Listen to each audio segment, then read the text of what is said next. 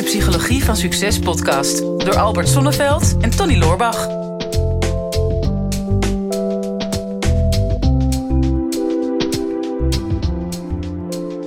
Vind je van onze nieuwe plopkap, eh, Albert? Ik ben zwaar onder de indruk. Dit is wel lekker opnemen zo. hè? Ja, dit, dit werkt als een trein, nu al. Ja. Ik, eh, als een, eh, oh nee, niet als een trein, maar als een brein, moet ik zeggen. Als een brein tv, ja. ja, Ja, want dit is, eh, het is niet alleen heel mooi, maar het is ook gewoon een hele, hele subtiele branding. ja. Ja, als je nu zit te luisteren naar de podcast, dan heb je geen idee waar we het over hebben. Maar als je zit te kijken, we hebben prachtige, mooie roze. Ja, ik weet niet, is, is dit roze? Ja. nou, ik zou het zo niet willen noemen, maar dat maakt niet uit. Het, is, het, voor, het, is geval, het, het maakt indruk.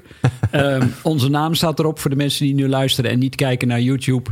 En ehm, ja, het geeft weer ook een bepaald vorm van zelfvertrouwen of zo. Ik weet niet wat het is. Maar Ja, dat we het niet de hele tijd over Brein TV hoeven te hebben, want het is de hele tijd in beeld. Ja. Maar we zouden het er toch nog wel even over kunnen hebben. Ja, wat zou je er nog over kwijt willen, Tony, voordat we echt met deze podcast gaan beginnen? Nou, ik denk half Nederland is inmiddels op de hoogte en, eh, en lid. Maar eh, ja, we hebben het, denk ik twee weken geleden gelanceerd. Of Brein- ja, het is inmiddels als deze opname online gaat, is het alweer wat langer geleden. En tot dusver de live factor. Maar eh Mm. Brein TV gelanceerd met daarin natuurlijk al jouw programma's. Ja, En eh, ja, dat ging echt hard. Mensen kunnen daar lid van worden voor, wat is het, twee tientjes in de maand? ja belachelijk dat- weinig. Ja, dit slaat helemaal nergens op. Maar eh, ja, dit, dit is echt, het is nu al een begrip in, Ja. eh, in Nederland. Ja, dus super trots op en eh, heel mooi gelanceerd ook. En heel blij dat we daar weer heel veel mensen mee kunnen helpen ook. Met alle onderwerpen waar mensen normaal gesproken in hun leven mee te maken krijgen. Ja. Dus eh, heel fijn om ze in ieder geval een, een start te geven. Hoe ze op een andere manier naar het leven kunnen kijken. Ja. En dat is uiteindelijk wat we willen. Een platform zijn voor mensen die eh, persoonlijk willen groeien. Daar is het ooit mee begonnen. Ook met de podcast Psychologie van Succes. En het blijft maar groeien. ja, het is een beetje uit de hand gelopen hobby inmiddels. Ja, zeker. Ja, dus als je nou de podcast volgt en eh, je denkt van ik vind het eigenlijk, eh, ik zit er iedere week weer naar uit te kijken. Er zijn, eh, zijn mensen die ons dat sturen. Blijf, blijf ik heel bijzonder vinden. Ja. Mensen die ook alle afleveringen hebben geluisterd tot- tot nu toe. Ik denk, hoe hou je het vol? Ehm, maar als je dat nou interessant vindt, ja, dan moet je echt gewoon even naar Brein TV. En dan moet je even op onze website kijken, psychologievansucces.nl. En op de grote Brein TV knop drukken en dan... ja, laat je overweldigen en dan, ja, dat, dat ga je gewoon gaaf vinden. Ja. Maar we zullen er niet een hele lange sales pitch van maken. Want eh, we hebben natuurlijk weer een vraag. Dus we gaan weer lekker vragen beantwoorden. Ja, zeker. En ehm, ook een hele actuele vraag. Hè? Want we, proberen, we krijgen veel algemene vragen eh, via LinkedIn of via Instagram. Maar mensen ja, willen natuurlijk ook wel wat actuele antwoorden hebben op actuele situaties. En zolang we nog corona hebben in Nederland en, en in de rest van de wereld, wordt er veel remote gewerkt. Oftewel thuiswerken. En dat levert ook de nodige problemen op. Ja, en ook een nodige agressie. Want eh, we hebben de vraag binnengekregen van, eh, van Siem. En eh, ik zal de achternaam er niet bij zetten als je een grapje over iemand maakt. Maar Siem die had ons gestuurd van... ik heb je toegevoegd en ik heb een vraag en die stuur ik naar jou. Eh, en had hij tussen haakjes gezet, want Albert reageert niet. Er stond een boos gezichtje bij. En, dat is, en de vraag gaat vervolgens over... hoe, hoe gaat het met remote werken? Wat doet het met je productiviteit? En wat doet het met, met het bedrijf? En ik denk dat dat goed is, want... ehm, ja, in principe eigenlijk vrijwel iedereen eh, eh, die ergens in loondienst is of ondernemer is, die heeft de afgelopen tijd thuis moeten werken. Of in ieder geval meer dan dat je voorheen deed. Ja, in ieder geval kantoorpersoneel. ehm, hè, want mensen op de bouw en, en andere beroepen die zijn nog wel gewoon doorgegaan. Die hebben misschien wel thuis geklust, maar niet thuis gewerkt. Nee. nee, klopt. Maar ik merk dat ik dat boze gezichtje vond ik heel kenmerkend van een iets korter lontje als je wat langer thuis zit. Hoe, heb, je- hoe heb jij dat ervaren? Heb jij dat ook gehad? Nou, eh, zelf niet, want ik werk heel graag thuis. Dat is echt een, eh, een plek waar ik eh, prima kan werken. Ik, ik ben ook gewend om zelfstandig te werken. Maar binnen mijn bedrijf en organisatie absoluut wel. We hebben een opleidingsinstituut. En ehm, ja, met name het, het, personeels, het personeel op kantoor... Ja, dat was in één keer verplicht om thuis te werken. En dat hebben ze ook gedaan, maar er waren veel problemen. Dus ehm, de klachten die we hoorden waren in ieder geval veel afleiding. Eh, de, wij hebben nogal een eh, grote vrouwelijke populatie op kantoor. Moeders, Vandaar dat je ook liever thuis werkt. alles heeft zijn reden. en ehm, nou ja, veel afleiding, dat was sowieso een probleem van moeilijk kunnen concentreren. Ander probleem was dat eh, ja, ze de balans tussen werk en privé heel moeilijk konden vinden. Want het liep voortdurend door elkaar heen. Ze moesten hun kinderen Uh, helpen met het huiswerk online, want de scholen waren natuurlijk ook dicht. Uh, ja, daarnaast uh, ja, moest er ook nog wel werk worden gedaan. telefoongesprekken met de klanten. terwijl de kinderen stonden te zeuren aan, aan het bureau met een, met een tekening of iets anders. Nou, dat was gewoon ontzettend moeilijk om daar op te concentreren. Verder merkten mensen ook veel technische problemen. Want nou, iedereen moest er één keer massaal aan de Zoom-sessies of aan de Teams-sessies. ja, het klinkt heel spannend, lekker zoomen met elkaar. Maar, ja, maar dat is het helemaal niet. Nee, dat, dat gaf veel frustratie. Want ja, mensen werden één keer gedwongen op een hele andere manier te gaan communiceren. Er mm was um, ja, veel ongemak ook um, als het gaat over... ja, maar ik, ik mis de aansluiting met mijn team. Hè, mensen, zeker mensen die echt gewend waren om samen te werken, samen te overleggen. Er was niet even een sparringsmomentje, dus voelde zich vaak ook alleen. Mm ja, vonden het vaak ook heel moeilijk om dan weer de discipline op te brengen of gemotiveerd te zijn. Mhm. Ehm, ja, kortom, echt veel, veel problemen. En ja, hoe ga je daar dan mee om? Naast natuurlijk ook te zorgen van helpen als ik maar niet ziek word. Mm en je zou denken, nou, mensen zijn er een beetje aan gewend. Uh, maar ik, ik merk nu weer dat er een soort tweede golf aan ontstaan is van mensen die. Gisteren hoorde ik nog iemand, een van mijn eh, klanten, die zei: Ja, bij mijn vrouw is uh, corona geconstateerd. Nu moet het hele gezin in quarantaine. Mhm. Dus alles begint weer van vooraf aan. Ja, ja, het is nog niet voorbij, nee. Nee, nee en het is apart dat, um, kijk, toen het allemaal begon, hè, en wij hebben dat met ons bedrijf ook gedaan, hè, tegen mensen gezegd van, oké, okay, um, in principe gaat het kantoor dicht, hè, die werken allemaal maar thuis. Ja. Um, was voor ons een hele logische stap. Want um, wij zijn daar qua techniek al lang op ingericht. Hè? Dus, dus um, onze mensen kunnen eigenlijk net zo makkelijk thuiswerken als dat ze op kantoor kunnen werken. Als het gaat over de systemen die we gebruiken. Hè, dus we werken bijvoorbeeld met, met Asana. Hè? Dat is zo'n zo'n to-do-lijsten tool. Maar daar zitten eigenlijk alle taken die je doet zitten daarin. En daar heb je ook contact met je collega's. En ja. ze hebben nog een aantal van dat soort systemen. Alles, alles werkt al in de cloud. We hebben natuurlijk ook een online marketingbedrijf of, en, en een paar softwarebedrijven. Dus voor hmm. ons was dat heel makkelijk. Alleen uh, op een gegeven moment ben je maar toch zo een paar maanden verder. Um, ja, dat je gewoon heel erg gefocust op, op je eigen situatie bent. Van ja, ik, ik, ik wen eraan van hè, wat moet ik aanpassen in mijn leven. Dat ik als werkgever dan wel eens vergeet van wow, we zitten al gewoon vanaf maart. zitten mensen al gewoon thuis. En um, niet iedereen kan daar even goed tegen. Hè? Jij noemde nee. net het verschil van hè, waar, waar, vrouwen mee zitten. Ik had er even wat onderzoek op nagelezen. En schijnt dat, dat vrouwen hebben met name dat probleem. Hè? Dus, dus um, dat ze toch wat meer zorgend zijn, ook in huissituaties. Dat je het moeilijk vindt om werk en privé met elkaar te combineren. Dat dat gaat mixen. Uh, mannen hebben dat blijkbaar wat makkelijker. Die doen dus gewoon minder in huis. Uh, ja. Mannen hebben juist het probleem dat ze meer uren gaan maken. Hè? Dus dat je het lastiger vindt om, om afstand te nemen van je werk. Wat op zich wel logisch is, want Um, stel jij zit op kantoor en, en, en je hebt nog twee of drie mailtjes openstaan die je nog moet beantwoorden. En je denkt, nou, ik ga zo over een half uurtje zit mijn dag erop, hè? stip ja. vijf uur en dan sta ik buiten. Dan, uh, dan, dan ga je voor vijf uur nog even die mailtjes beantwoorden. En dan, dan trek je letterlijk de deur achter je dicht en dan ga je naar huis. En dan thuis begint je privé. Maar als je al thuis bent en je werkt thuis, dan, dan denk je op een gegeven moment van ja, die drie mailtjes, ja, die, die hoef ik nu niet te beantwoorden. Ik ga eerst even eten, ga ik ze dan beantwoorden. Ja. Ja, en dan na het eten, ja, even het journaal kijken. Of nou, ga ik even mijn favoriete uh, soapserie kijken. Maar die mailtjes, die zitten nog in je hoofd. En heel vaak heb je ze al gelezen. En dat is, dat is maar een voorbeeld van uh, hoe het werk verandert. Hè? En, uh, en, en de problemen die mensen daarmee krijgen. Van constant aanstaan.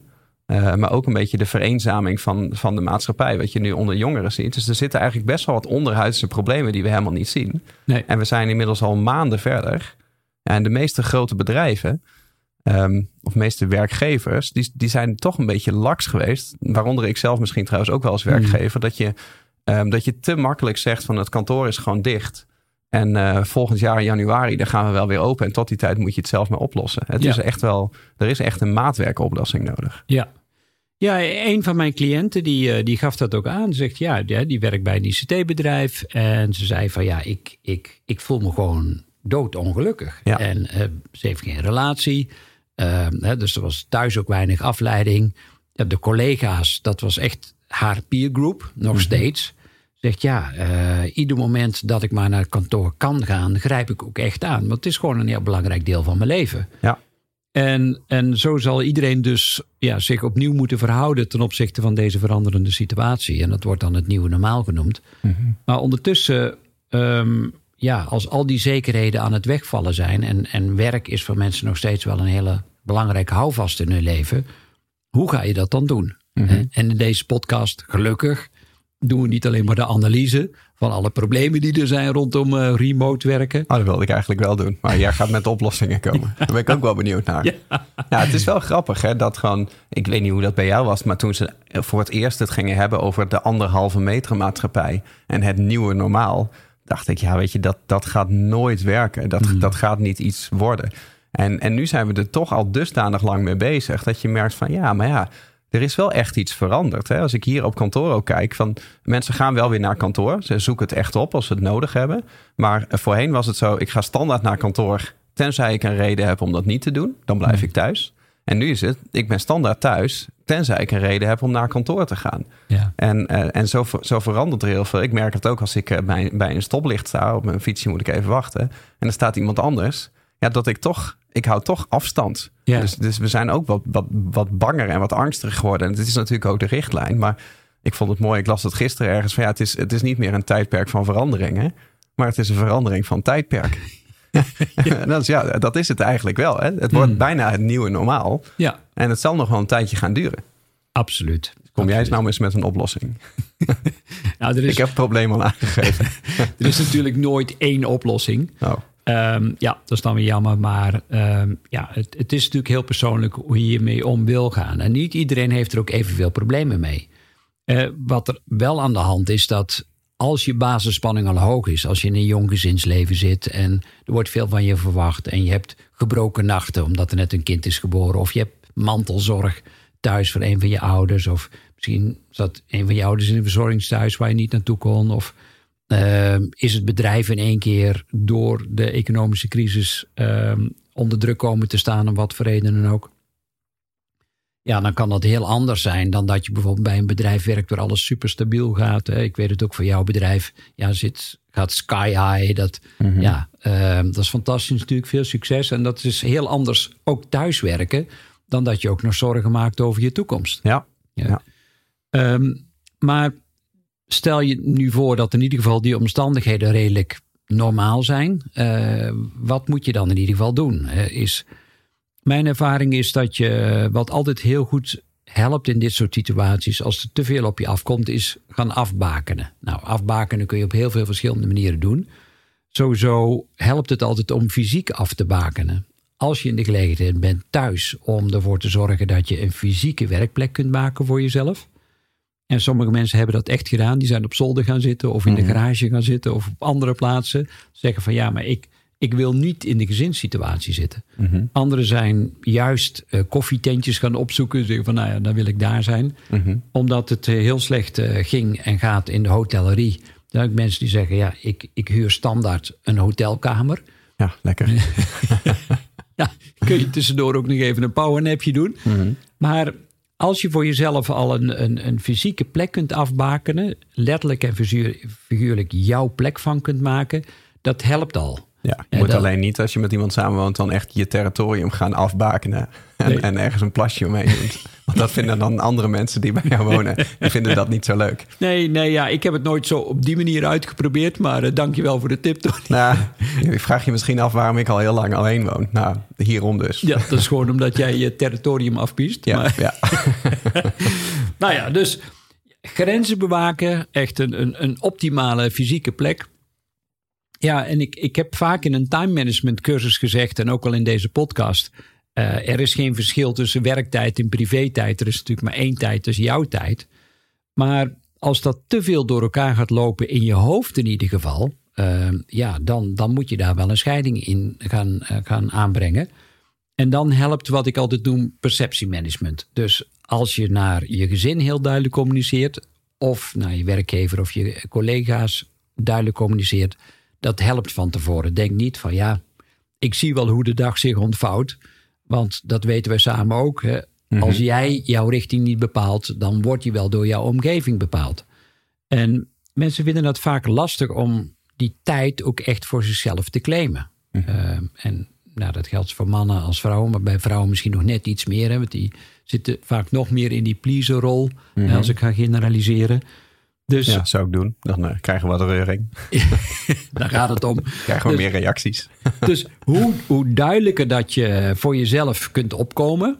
eh, dus ook wat assertiever kunt zijn. Juist in deze tijd waarin er zoveel op je afkomt eh, van allemaal mededelingen van dingen die je moet doen. Nou ja, wat zou je zelf nog willen doen om in ieder geval de komende tijd het voor jezelf heel prettig te hebben? Dus als je werktijd, privé-tijd duidelijker scheidt, in ieder geval in je hoofd door een goede perceptiemanagement te doen. Je hebt een goede plek voor jezelf afgebakend waar jij je letterlijk en figuurlijk thuis voelt. Misschien moet je nog wat posters ophangen of andere dingen, eh, toeters of bellen. Dat je zegt, oké, dit is echt mijn plek. Of een koptelefoon opzetten, dat je je favoriete muziek luistert tijdens je werk. Alles wat kan bijdragen tot meer rust. En dan, als je even niet werkt, ga dan, ja, dat zou je kunnen doen, dan je, je meest favoriete Netflix-serie weer eens eventjes eh, aanzetten. En dan urenlang, vaak te lang weer op de bank hangen, omdat dat zogenaamd ontspanning heeft. Ja, mijn tip is echt om, ga de natuur in. We hebben natuurlijk fantastische eh, voorjaar en een hele mooie zomer gehad. Maar die connectie met de natuur, dat zijn gelukkig weer dankzij de corona heel veel mensen gaan doen. Ik weet niet of het jou is opgevallen, maar er zijn veel meer mensen gaan joggen, fietsen. Eh, je moet nog uitkijken dat je niet ondersteboven wordt gereden door al die elektrische fietsen tegenwoordig. Ja, Mensen, ja. mensen boven een bepaalde leeftijd, met of zonder de helm, je bijna van de sokken rijden. Maar goed, die hebben ook recht op een fietspad. Ehm, maar ga naar buiten. Eh, hoe dan ook. En ook wanneer het eh, seizoen wat minder wordt, ehm, blijf in beweging, letterlijk en figuurlijk. Want uiteindelijk is dat toch de beste manier om meer tot rust te komen in jezelf. Ja, want, want eigenlijk, eigenlijk zou het een heel positief iets zijn, hè, die, die ontwikkeling. Wij hebben dat bij, bij eh, mij op kantoor ook gezien. Dat voorheen waren de meeste mensen waren gewoon vijf dagen in de week op kantoor. Een aantal mensen werkten al wel eens een, een dag thuis. Sommige mensen twee dagen. Maar ehm, ja, toch eigenlijk niet meer dan twee dagen in de week thuis. Nou, nu hebben we maanden gehad waarin iedereen eigenlijk fulltime thuis heeft gewerkt. Eh, en nu komt het weer een beetje op gang dat, dat mensen die merken van ja, ik kan thuis gewoon niet zo lekker werken. En dat die meer het kantoor opzoeken. Uh, maar ook zij, we hebben laatst een questionnaire rondgestuurd aan het hele team. Van uh, als we nou naar een ander kantoor zouden gaan, wat vinden jullie dan belangrijk? En daar stond ook een vraag in van hoeveel dagen in de week verwacht je op kantoor te zijn? En het gemiddelde wat eruit kwam was, was, was tussen de twee en de drie. Ja. Um, dus daar zie je al dat zelfs bij ons, het zijn allemaal mensen van tussen de 20 en de 30 jaar, dat, dat zij er al niet meer van uitgaan dat ze, dat ze vijf dagen in de week op kantoor zullen zijn. Um, omdat ze ook gemerkt hebben dat dat kan. En ik denk ook dat dat positief is. Hè. Er zijn al de hele tijd onderzoeken over dat die 40-urige werkweek... dat die eigenlijk nergens op slaat. Dat je helemaal geen 40 productieve uren kan werken in, in vijf dagen tijd. Dat je eigenlijk minder uren zou moeten werken. Um, en als je niet de reistijd meerekent die je zult moeten maken... Uh, en niet de afleiding die je bijvoorbeeld op de werkvloer hebt... in, in al die moderne kantoortuinen...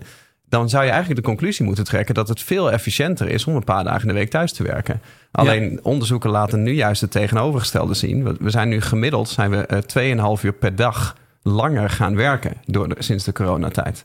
En dus, dus je, je wint bijvoorbeeld een uur aan anderhalf uur aan reistijd. Maar die vervolgens vul je die tijd die vul je weer op met extra mm. werk. Terwijl normaal, ja, dan stond je in de file. Ja, dat is ook geen ontspanning. Maar dan was je nog niet aan het werk. En dan zat je misschien uh, muziek te luisteren. Of naar ons. Hè? Dan is ja. het wel ontspanning. Ja, dan, dat is, ja, bedoel, dat, dat, is gewoon... Dat is er iets anders wat je kunt doen dan? Geestelijke massage. Maar uh, dus, dus dan, dan verruil je dus eigenlijk een, een, uur in de auto zitten... Met, met een soort van ontspanning. Verruil je voor een extra uur werken. En dat komt omdat de, de meeste mensen niet in staat zijn om te segmenteren. Hè? Dus je hebt een beetje de, de, de integratiegeest is meer van... Uh, terwijl ik mijn Netflix aan heb staan op de achtergrond en ik zit lekker op de bank. Ik spreek niet over mezelf hoor. Nee, tuurlijk. Nee. Um, dan ben ik mijn werk aan het doen. Dus, dus je, je zit op de oppervlakte met je concentratie, omdat je, je integreert het in je leven. Dus je bent aan het werken en je bent het huishouden aan het doen en je let op de kinderen en je bent televisie aan het kijken en alles gaat in één. Um, en je moet eigenlijk leren segmenteren. Dus je zegt, als ik werk, dan werk ik en dan doe ik niks anders. En als ik het huishouden doe, dan ben ik niet aan het werk. En als ik aan het ontspannen ben, dan ben ik aan het ontspannen. En als je jezelf kan aanleren om, om zo'n grip te krijgen op je energie, dan is het, dan is het een geniale ontwikkeling. Hè? Dat we niet meer fulltime op kantoor hoeven te zijn. Dat we, dat we zo eigenlijk in minder uren kunnen werken. Hmm. Want ik geloof er echt heel erg in dat we, dat we naar een, een 20 of zelfs naar een 10-urige werkweek kunnen. En dat we net zo productief zijn. Ja. Als we die uren maar uh, optimaal weten in te zetten. En, en die andere uren dan aan het opladen zijn en, en die andere dingen aan het doen zijn. Nou ja, en dat, uh, wij gaan daar ook een beetje mee experimenteren op kantoor, om dat, om dat er een beetje in te krijgen. Dus de enige factor die je dan mist, um, is eigenlijk het, het sociale. En, en, en, en, dat, dat heb ik ook wel gemerkt. Ik, ik heb heel vaak grappen gemaakt over. Uh, ik hou niet zo van andere mensen. En toen de, toen de quarantaine begon, toen had ik zoiets van: ja, voor mij verandert er niks. Weet je, ik uh, heb zelfs een keer in een nieuwsbrief rondgestuurd van: ik deed al een quarantaine voordat het hot was, hè, dat het hip was. en ik dacht: ja, voor mij is dat prima. Weet je, ik vind het heerlijk om thuis te zijn, lekker te werken. Maar ik merkte op een gegeven moment wel dat ik echt mensen begon te missen. En zeker de mensen hier op kantoor. En, en, en de paar keer dat we nu weer bij elkaar komen. Ja, mensen vallen elkaar bijna in de armen met uh, in tranen van geluk. Maar je mag, je mag elkaar er niet aanraken. Nee.